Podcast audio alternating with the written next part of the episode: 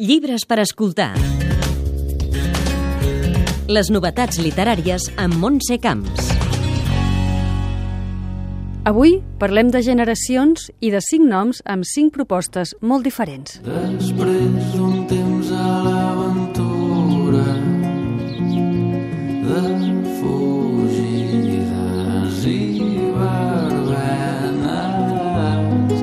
27 anys, el més jove. Sebastià Portell, nascut a Ses Salines, autor del dia que va morir David Bowie i de diverses obres teatrals. Ara publica l'editorial Empúries Ariel i els cossos, una història amb clares i volgudes referències a Orlando, de Virginia Woolf. El protagonista és Ariel. No se sap si és home o dona, un personatge que no necessita definir-se amb cap terme. Un text sobre l'ambivalència. Ariel i els cossos és un text, és un llibre sobre el desconcert, sobre l'ambivalència, sobre aquelles històries que es confonen, que es desdibuixen i que ho viuen com, com un tret positiu o com un tret que senzillament és així. La veu d'Ariel és la indefinició. I això m'ha arribat a afectar personalment. I és que tinc poques certeses però tinc la certesa que no sóc un home i que difícilment ningú que es digui home ho és i que ningú que es digui dona ho és. Som molt escèptic en les identitats essencials i essencialistes i vaig cap a un desdibuixar de, de tot plegat. Has estat en un lloc familiar. 37 anys. Ens anem fent grans? Ramon Mas, nascut a Sant Julià de Vilatorta, és editor i autor, entre d'altres, de la novel·la Afores. Ara publica edicions de 1984 l'obra Estigmes, un retrat interior de l'adolescència situada a Puigsec, al mateix escenari de Fores.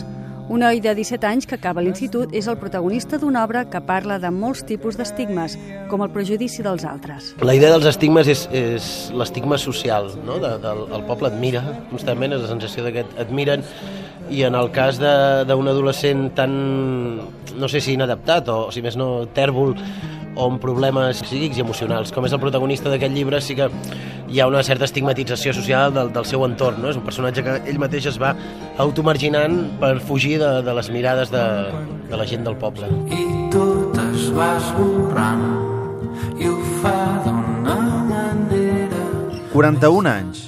Camí cap a la maduresa. Marta Bataller, nascuda a Caldes de Malavella, compagina la seva feina al Departament de Comunicació d'Oxfam Intermón amb l'escriptura i debuta en la narrativa amb l'origen de les Cols Violeta, publicada per Empúries. Una noia amb una vida grisa va treballar en un poblet de França i allà trobarà la veritat de qui és ella. que és una història optimista sobre les segones oportunitats, sobre la necessitat de trobar el nostre lloc al món i també de com, com construïm la nostra identitat a través de, de les relacions que establim amb els altres. Hi ha una protagonista, però hi ha molts personatges principals. Són persones que en essència sembla que no tinguin gran cosa en comú, però tots en essència doncs, comparteixen una sèrie de valors que els connecten, que són aquestes, aquesta, aquest, aquesta capacitat de sacrifici, de, de, de lleialtat, una, un, fort, un fort sentit del compromís. Al final les, les famílies s'acaben construint quan trobem les persones que connecten amb nosaltres. No? res no és important i tot ho és molt les grans a les 65 anys. Començar a pair al pas del temps. David Sirici, nascut a Barcelona, és autor de narrativa juvenil infantil i autor també de novel·les com El setè àngel, Premi Sant Jordi. Ara publica en proa L'olor del desig, una història d'amor entre un adolescent sec i la seva professora, que també homenatja al feminisme històric. Aquí hi ha una història bonica en relació una mica al, al moment que estem vivint, l'alliberament de la dona, les campanyes a propòsit doncs, de, del Me Too i d'altres, el moviment feminista en general, no? I en aquesta novel·la faig una mica un homenatge al, feminisme històric, que comença amb Simone de Beauvoir, i anar-se curtint i veure-les passar i veure-les venir i 98 anys. Una segona joventut. Teresa Jové, nascuda a Madrid, és pedagoga i escriptora. Establerta des de petita a Catalunya, després de la Guerra Civil es va haver d'exiliar a França i va tornar a la dècada dels 70. Va quedar finalista al Premi Nadal amb La Charca en la ciutat i és autora de nombrosos llibres sobre la història de Catalunya del segle XVI i sobre la memòria dels exiliats.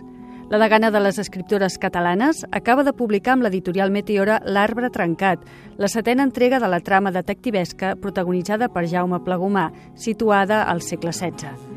Jové continua escrivint cada dia i en un calaix de la seva casa, del Baix Empordà, encara hi ha mitja dotzena de manuscrits. Llibres per escoltar. Les novetats literàries amb Montse Camps.